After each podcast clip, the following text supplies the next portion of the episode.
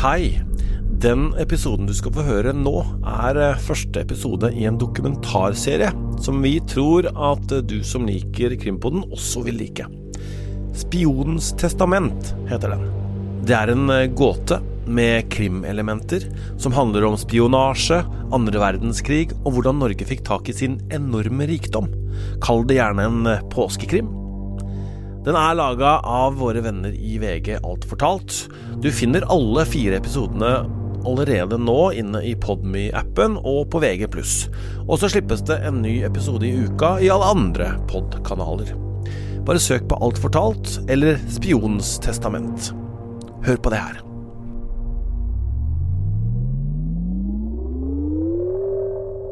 En vinterdag rett over nyttår i 2002 så fikk denne mannen Jeg heter Egil Eid, ja. ja. Trønder. Pensjonert. en telefon med en beskjed han ikke forsto.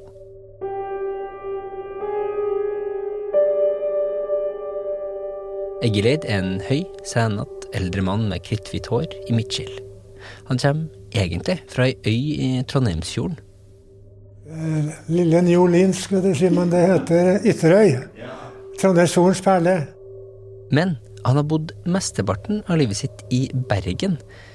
For lenge siden, tilbake på 1970-tallet, så var Eid en topptrent marinedykker på marinebasen Håkonsvern der. I 2002 så var det et halvt liv siden. Av personen på den andre sida av telefonlinja denne vinterdagen så ble Eid fortalt at han var ført opp i et testament. Det, det skjønte jeg ikke så forbanna mye av. Etter at Eid hadde fått denne telefonen, så reiste han til Oslo. Han dro øst i byen, til Carl Berners plass. Et kaotisk veikryss som på denne årstida var fylt med eksosfarga slaps. Ovenfor krysset, på en liten høyde, så står det en nietasjes boligblokk med en fasade dekka med identiske vinduer, og en rekke med balkonger. Eid gikk inn i blokka og opp til en av de aller øverste etasjene. Der åpna han ei dør han hadde fått nøkkelen til. Han kom inn i en liten leilighet. Ikke mye mer enn et smalt kjøkken og ei stue, husker Eid. Fra vinduet kunne han se utover store deler av Oslo, helt ned den kalde fjorden. Egil Eid hadde arva denne leiligheten av en mann han aldri hadde kjent eller snakka med. En mann som tilsynelatende hadde tilbrakt hele livet sitt som en traust byråkrat i den norske stat. Hvorfor hadde mannen gitt leiligheten til Eid? I testamentet han hadde etterlatt seg, så sto det ingen begrunnelse. Hvorfor setter han opp meg som enarving? Ikke var det familiært, og jeg kjente jo ikke fyren heller. I denne serien så skal vi prøve å svare på hvorfor den norske byråkraten ga fra seg denne arven til mannen han ikke kjente. Det må ligge et eller annet bak der.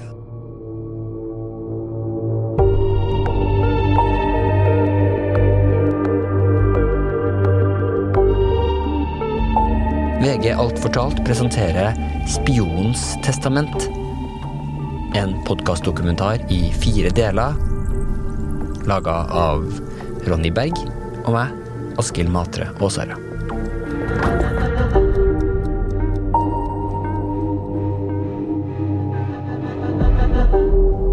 Episode én Mannen uten sokker.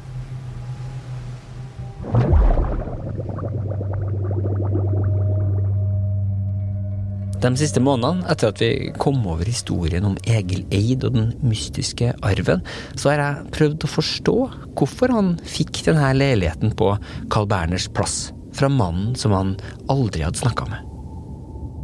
Det har leda oss inn på ei forunderlig og overraskende og til tider grusom fortelling som foregår over 80 år. As Mr. Churchill said, V2 is finished, thanks to the RAF and the British Army. Det er ei fortelling som fortsatt ikke er ferdig nå. Det har vært avgjørende for vår nasjonaløkonomi. Det er folk som kjemper om gjennom Stortinget og rettssystemet i dag. Altså Det jeg ønsker, er jo at de hadde fått en uforbeholden unnskyldning. Det er ei fortelling hvor de snille kanskje ikke er så enkel å forstå som man skulle tro ved første øyekast. Her kom sjefen, og helt glatt kamma med brylkrem og røyka høy sigar. Og hvor de som tilsynelatende er de ondeste av de onde. Agonale kampfatmung. Det betyr altså sånn de siste pustetrekkene dine. Likevel kanskje ikke er så lett å sette i bås. Men la meg, før vi kommer til alt det, begynne med å presentere byråkraten som ga bort denne arven, leiligheten på Carl Berners plass. For det er med han det hele starter, og etter mange dreininger i historien også slutter.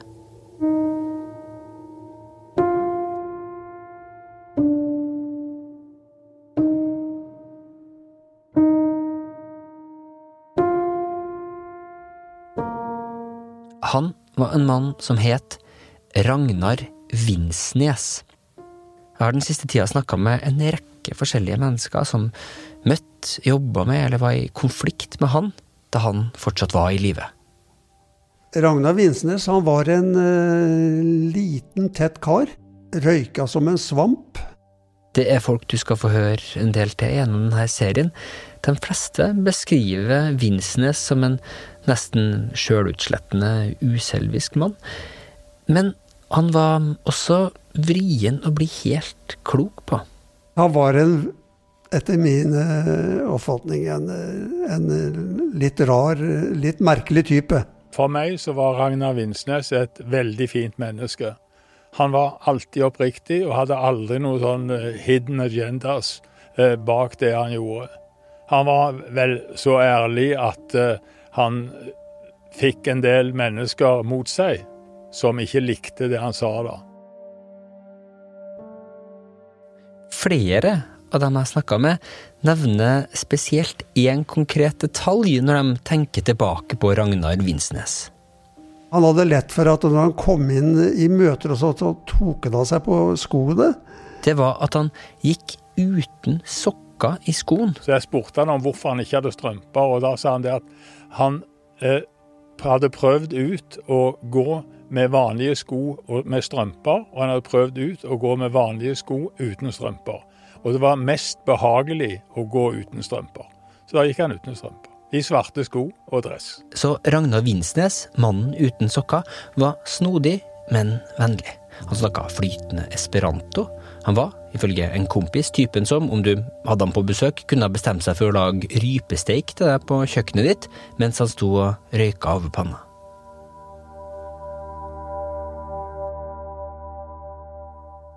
Da jeg først begynte å høre om mannen uten sokker, så lurte jeg på hvordan en fyr som ble beskrevet av så mange som så hyggelig, kunne havne i sentrum av en så betent sak som det her er. Jo mer jeg fant ut om han, desto større ble det mysteriet. For å forstå hva slags type Ragnar Vinsnes var, og for å se om vi kan komme nærmere svaret om hvorfor han ga arven til Egileid, så tenker jeg et bra sted å starte kan være det Vinsnes gjorde under andre verdenskrig. Han var vokst opp i Skien, men på 1940-tallet så var han blitt ingeniørstudent i Dresden i Tyskland. Derfra så var Vinsnes og noen av medstudentene hans med i den største hemmelige norske etterretningsorganisasjonen under krigen, XU.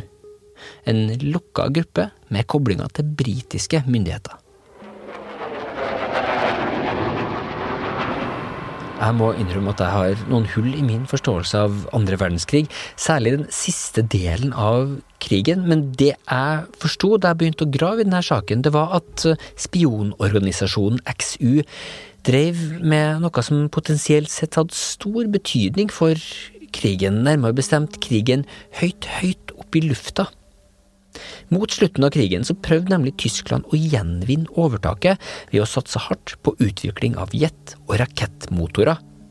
Tida hvor det var propellene som skulle drive flymaskinene, gikk mot slutten. Og tyskerne utvikla ikke bare nye motorer og fly, men undersøkte også hvordan mennesker skulle overleve i den ekstreme tilstanden som oppsto når en nærma seg ytterkanten av jordas atmosfære om bord på sånne rakett- og jetdrevne fartøy. Hvordan ville menneskekroppen reagere under så ekstreme forhold? Nazistene ville gjøre alt for å få tak i den kunnskapen. Akkurat hvor langt de gikk, det skal vi komme tilbake til senere i denne serien. Da kommer det til å bli helt sentralt, men du skal slippe å tenke på det akkurat nå. For i 1944, rett før naziregimets undergang, så var det rakettfartøy uten mennesker om bord tyskerne satsa på. Hitler la ned atomprogrammet for å heller bygge opp de såkalte V2-rakettene. Det var flyvende bomber som kunne skytes opp og reise fra fastlandseuropa og treffe London. Og det var de her rakettene Ragnar Vinsnes var med i kampen mot. V2-rakettene ble utvikla og bygd på en forskningsfabrikk ved munninga til elva Pene ved nordkysten i Tyskland, rett overfor Skåne. Under krigen så husa Penemunde et svært fabrikk- og forskningsanlegg som i dag ble kalt intet mindre enn fødestedet til den moderne rakettvitenskapen. Det Vinsnes og co. kjempa for å ødelegge, var ting som var laga i Penemunde. Navigasjonssystemer for det tyske flyvåpenet og flyvende bomber, altså V2-rakettene. Vinsnes var med på i alle fall to operasjoner i den kampen. Den første foregikk våren 1944. Da sneik flere norske studenter seg inn i en leilighet i Dresden. Der inne i leiligheten fant de noen tegninger av en ny type rakett som ble utvikla i Penemunde. Studentene rulla tegningene sammen og tok dem med seg ut i nattemørket. Så brukte de hele resten av natta på å kopiere av tegningene inne på en av studentenes hybel. Som Vinsnes sjøl beskrev det i ettertid. Jeg skrev teksten på maskinen. Det var nattens arbeid. Vi gjorde det hjemme hos min venn. Han sov, for han måtte bringe originalene tilbake neste morgen. Neste morgen så ble tegningene altså sneket inn i leiligheten igjen, før kopiene skulle smugles ut av Tyskland. Dermed fikk britisk etterretning tilgang til tegningene. Ragnar Vinsnes og de andre norske studentspionene i Dresden var ikke bare med på å få tak i informasjon på denne måten, de var også sentral i å få smugla informasjonen ut av Tyskland om bord i tog, biler og fly, eller ved å være kurerer sjøl.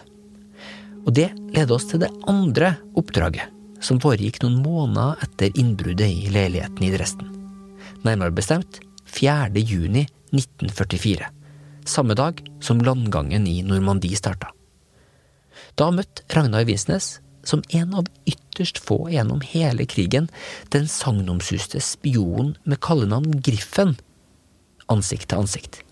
Griffen var en av britisk etterretnings aller viktigste kontakter i Tyskland. Vinsnes traff Griffen på Analter togstasjon, ikke langt fra Potsdamer Platz i Berlin.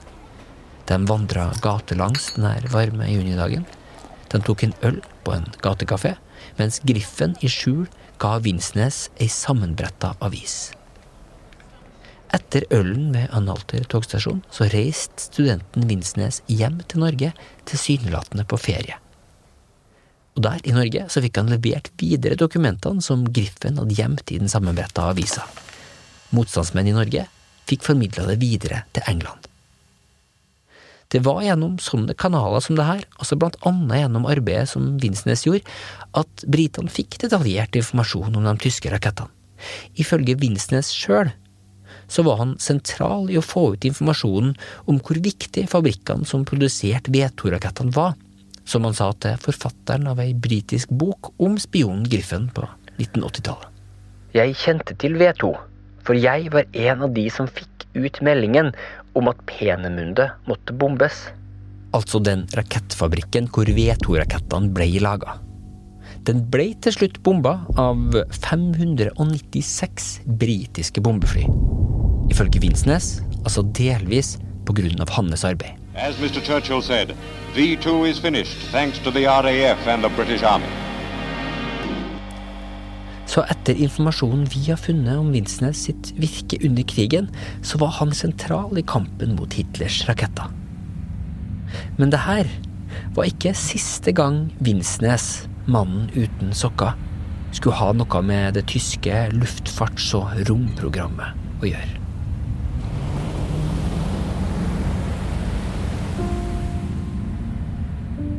Etter nazistene sitt nederlag så gikk livet videre for den tidligere allierte spionen Ragnar Vinsnes.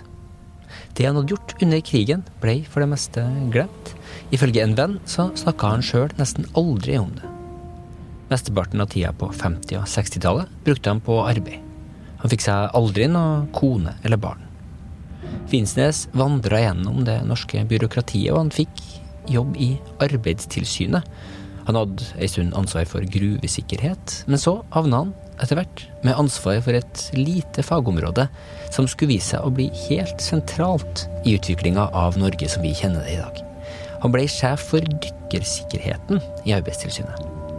Når oljealderen starta, så sto han dermed mer eller mindre alene, ansvarlig for å ha tilsyn med sikkerheten til dem som skulle dykke ned for å sette på plass de nye oljeinstallasjonene som skulle bringe opp rikdommen fra under bunnen av Nordsjøen. Man hadde ikke alle disse skal vi si, fjernstyrte mulighetene. Sveising, kobling, måtte skje av mennesker på havdypet. Det er professor emeritus Ole Erik Iversen ved Haukeland universitetssykehus. På starten av 1970-tallet så var han vernepliktig lege i Marinen i Bergen. Vi kontakta han fordi Iversen, uforvarende, ble en viktig brikke i saken om den tidligere spionen Vinsnes og arven han etterlot seg. Så uten dykkere på bånn, slik som det var, ingen olje til Norge. Det har vært avgjørende for vår nasjonaløkonomi. Ragnar Vinsnes reiste sjøl rundt på de nybygde konstruksjonene på havet for å kontrollere sikkerheten for dykkerne. Han var en underlig person å se på en oljeplattform. Han kom ut til plattformen iført lang frakk med skinnkrage og en sånn type svart lammeskinnslue. Persianerhatt, kalles det. Jeg synes den ser litt ut som en sånn russisk vinterlue. Og som alltid, han hadde ikke sokker i skoen. Det var veldig annerledes enn arbeidsklærne til oljearbeiderne han møtte. Men han var godt likt, sies det, og det virka som om Vinsnes ga seg hen til jobben. Det ble f.eks. For fortalt at han, når han var ute på lange inspeksjonsturer, valgte å sove inne i dykkerklokkene. De her metallkamrene dykkerne kunne sendes ned i dypet i, som sto på dekket til plattformene. En kan lure på hva den underlige mannen uten sokker lå og tenkte på når han prøvde å sove der inne i dykkerklokka. Kanskje lå han og tenkte på et stort problem, et spørsmål om liv og død som han måtte være med på å løse for at den norske stat skulle kunne få trygg tilgang til de enorme rikdommene på havbunnen. For det var noe feil i hvordan en fikk dykkere opp fra havdypet. For å forstå hva som var feil, det som Arbeidstilsynet og dermed Vinsnes måtte finne en løsning på, så kan det hjelpe om vi går innom historien om en av de første alvorlige ulykkene på norsk sokkel. Da oljeletinga begynte i Norge, så var konsensusen at dykkere ikke kunne utføre lange arbeidsdykk lenger ned enn 50 meter. Og Nordsjøen var langt, langt dypere enn det. 8. mars 1971 så var oljeriggen Ocean Viking i gang med å forberede den aller første offisielle oljeutvinninga. Her et klipp fra NRK. Under denne bøyen midt i Nordsjøen har man gjort det mest lovende funnet til nå, Ekofisk. Funnet ble gjort fra den delvis norskbygde boreplattformen Ocean Viking, der disse bildene ble tatt umiddelbart etter at Philips Petroleum Company meldte om gigantforekomster Ocean Viking var et gulmalt rigg med et stort boretårn på midten. Oljebrønnen på havbunnen under riggen skulle klargjøres ved at det ble heist ned dykkere i ei dykkerklokke til 70 meters dyp. Så skulle dykkerne svømme ut. Men dykkerklokka hadde blitt ødelagt, og derfor så måtte arbeiderne dykke ned fra overflata de 70 meterne ned for egen maskin. Da fikk de bare sju, maks åtte minutters arbeidstid ned ved brønnen, før de måtte snu og fære oppover til overflata igjen. Klokka tikka. Denne type forsinkelser kunne plutselig koste et oljeselskap enorme summer, så Ocean Viking trengte flere dykkere. Den følgende fortellinga har jeg funnet i den aldeles strålende boka Nordsjødykkerne, skrevet av Kristin Øye Gjerde og Helge Ryggvik. For å få tak i flere dykkere ble det sendt bud inn til Stavanger. Ifølge senere gjenfortellinger fra dykkermiljøet ble det i løpet av denne kvelden bl.a. verva dykkere rett fra ei brun bule i et av brygghusene ved Vågen i byen. Blant dem en brite. Han ble med en gang sendt ut med helikopter til Ocean Viking. Da han kom ut dit seint på kvelden, ble han, sammen med en norsk dykker, med en gang senka ned i ei kurv fra plattformen og ned til den svarte havoverflata. De var ikledd dykkerdrakt med ullundertøy under. Dermed bega de seg nedover og nedover i dypet. Til de kom ned til det som kalles juletreet, brønnen på havbunnen opplyst av lyskastere. De to satte i gang med arbeidet. Men de sju minuttene de hadde til rådighet, var straks over, og de måtte begi seg på den treige og kompliserte oppstigninga, som egentlig skulle ta 24 minutter. Det tok så lang tid fordi en ville unngå at dykkerne fikk den frykta dykkersyken. Det er en tilstand som bokstavelig talt kan få blodet til å bruse. Hvis det går for fort, så er det som å åpne bruskorken. Da blir det bobler overalt, og da stopper blodsirkulasjonen til organer. Derfor hadde dykkerne blitt instruert til å stoppe og vente på nøye planlagte, men forvirrende punkter underveis. Til slutt, når de var nesten ved vannflata, så måtte de to vente nesten et kvarter på tre meters dyp, samtidig som de ble mata luft fra slanger som de fikk sendt ned fra plattformmannskapet på overflata. Men et eller annet skjærte seg ned under vann. Briten klarte av en eller annen grunn ikke å holde seg på tre meter. Han kom opp til overflata med en gang, sjøl om han visste hvor farlig det var. Han måtte bli dratt ned i dypet igjen av kompanjongen og desperat holdt nede. Men så, etter noen minutter, var det den andre dykkeren som ble dårlig. Han var så kald at han ikke klarte å holde munnstykket til luftslangen i munnen.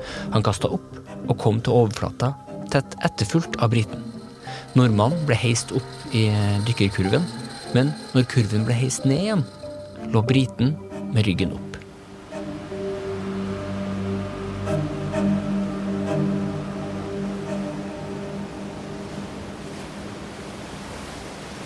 Det var et av de første dykkerdødsfallene under utbygginga av norsk sokkel.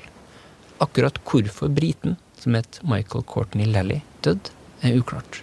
En mulig forklaring, som nevnes i boka 'Nordsjødykkerne', er at han rett og slett sleit seg ut i det kalde vannet. Men det er sannsynlig at måten han kom til overflata på, spilte en rolle. Kort tid etterpå så døde nok en dykker mens han dykka ved Ocean Viking. Det virka altså å være noe feil med hvordan fikk dykkere opp fra havdypet. Og Vinsnes, spionen uten sokker, måtte være med å finne ei løsning på problemet.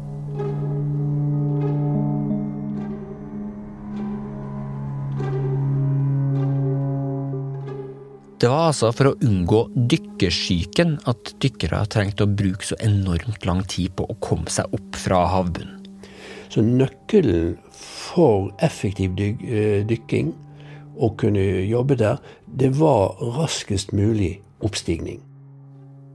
Det Ragnar Vinsnes visste, var at for å få opp dykkere så fort som mulig, så trengte norske myndigheter en tabell som med sikkerhet sa hvordan kunne stige opp fra dypet til overflata hurtig uten å bli sjuk.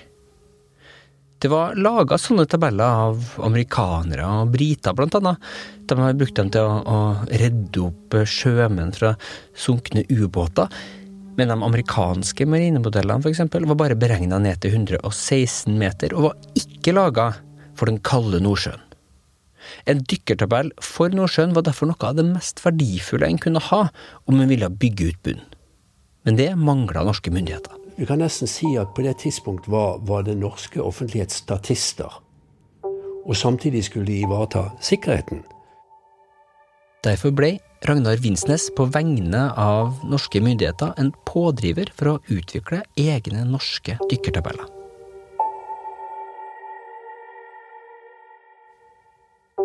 For å få til det, så hadde han vært med på å utvikle en plan. Vi vet ikke hvem som først tok kontakt med hvem, men Vinsnes hadde begynt å kommunisere med en forsker i Tyskland. På Arbeidstilsynets oppfordring så ble Sjøforsvaret i Bergen så spurt om det var mulig å få tilgang på to norske dykkere. Det er her historien til Ragnar Vinsnes og dykkeren Egil Eid, mannen som i 2002 for Fjamsa kom til å få arven etter spionen, begynne å nærme seg hverandre. Det var da, den tids eh, kommandosoldater. Iversen, som var vernepliktig lege på marinebasen Haakonsvern, husker særlig godt dykkeren Egil Eid, mannen som så mange år senere kom til å motta arven. Fordi at han, han var jo duksen når det gjaldt uh, løping og sånne ting. Og det var jo en sånn hinderløype, eller ikke hinderløype, men en terrengløype, som alle måtte løpe. Og der måtte man jo, der ble man jo herset med. Du måtte under en viss tid. og men den som hadde rekorden, den virket jo nesten som helt uslåelig for alle oss andre. Det var Eid. I 1972 så hadde han starta familie og hadde ei ung datter. Um, nei, altså når vi, var, når vi, var, små, så husker jeg veldig godt Pappa var jo mye ute og dykket etter faktisk krabbe og Det her er Katrine Eid Paulsen, et av barna til Egil Eid. Uh, så de var mye ute og dykket og kom hjem. husker han bare tok denne skipssekken og så så tømte han det utover kjøkkengulvet, så alle disse her krabbene for jo rundt. Sant? Det var jo kjempeskummelt. Måtte jo sitte på kjøkkenbordet og dingle med beina, for jeg var jo liten og redd disse her krabbene. Så de føk jo rundt over kjøkkengulvet overalt. Han var jo på måte Altså, han var jo den store, sterke, fysiske, sportige pappaen, sant, som vi Ja. Altså, han var jo Alle småjenter har jo den store og sterkeste og mest sportige pappaen, men i gaten, men jeg hadde jo det. De to dykkerne som Arbeidstilsynet trengte, ble valgt ut blant de mest erfarne dykkerne på Håkonsvern. I tillegg til Egeleid var det en mann ved navn Per Ludvigsen. De to skulle sendes til Tyskland. I Tyskland skulle de to dykkerne bli overlatt til vitenskapsmannen som Vinsnes hadde kommunisert med. En mann med ei mørk fortid. Og han skulle utføre et eksperiment. De to dykkerne sier at de ikke visste hva de gikk i møte. Ante ingenting Så om realitetene, og definitivt ikke risikoen, og heller ikke forhistorien. Og de satte jo ingen krav. De tenkte det at dette kan være spennende. Jeg har vært i kontakt med Forsvarsdepartementet de henviser til et brev fra Sjøforsvaret i 1972 til Arbeidstilsynet om eksperimentet. Der står det blant annet at Sjøforsvaret stiller seg positiv til saken og har anledning til å avgi to dykkere i de perioder det dreier seg om. Man forutsetter imidlertid at det her dreier seg om rene trykkammerprøver under betryggende ledelse og kontroll. Forsvarsdepartementet påpeker i dag at det var Arbeidstilsynet som finansierte dette initiativet. Jeg har kontakta Arbeidstilsynet. De skriver i en e-post at dette er en tragisk sak, men at det ikke er noen hos dem som har den nødvendige kunnskapen om hva som ble gjort og hvilke beslutninger som ble tatt på det tidspunktet, til å kunne uttale seg om saken. I neste episode av Spionens testament Eksperimentet. Og vi kom eh, til en eh, ja, jeg kan tenke meg en 130 meter. Da, da tror jeg jeg eh, mista bevisstheten. Og jeg våkna det at de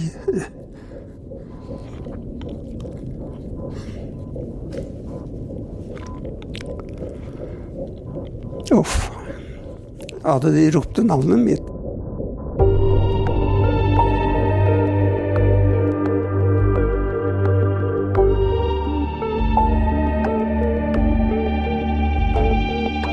Spions testament er laga av Ronny Berg og meg, Askild Matre og Sara. Musikken er spesialkomponert til serien av den eminente Ronny Furuvik. Foto til tekstsakene er tatt av Gisle Oddstad Trailervideoen er redigert av Christian Torkelsen, og nyhetssjef for Alt fortalt er Maria Mikkelsen. Vil du lære mer om historien til nordsjødykkerne, så anbefaler jeg boka som heter Nordsjødykkerne av Kristin Øye Gjerde og Helge Rygvik. Takk også til de to forfatterne for at de hjalp meg å finne tak i folk som kunne ha kjent Ragnar Vinsnes, og for å la meg lese researchintervjuer de gjorde i forbindelse med boka. Vil du lese mer om kampen til dykkerne Egil Eid og Per Ludvigsen, så har blant andre NRK Vestland, Vimen og Stavanger Aftenblad laga god journalistikk på det. Det er det verdt å sjekke ut. Du hørte lydklipp fra ei britisk filmavis fra andre verdenskrig og et nyhetsinnslag fra NRK i 1970 i denne episoden. Lydarbeidet det har jeg gjort, annet med hjelp fra lydbiblioteket Soundly.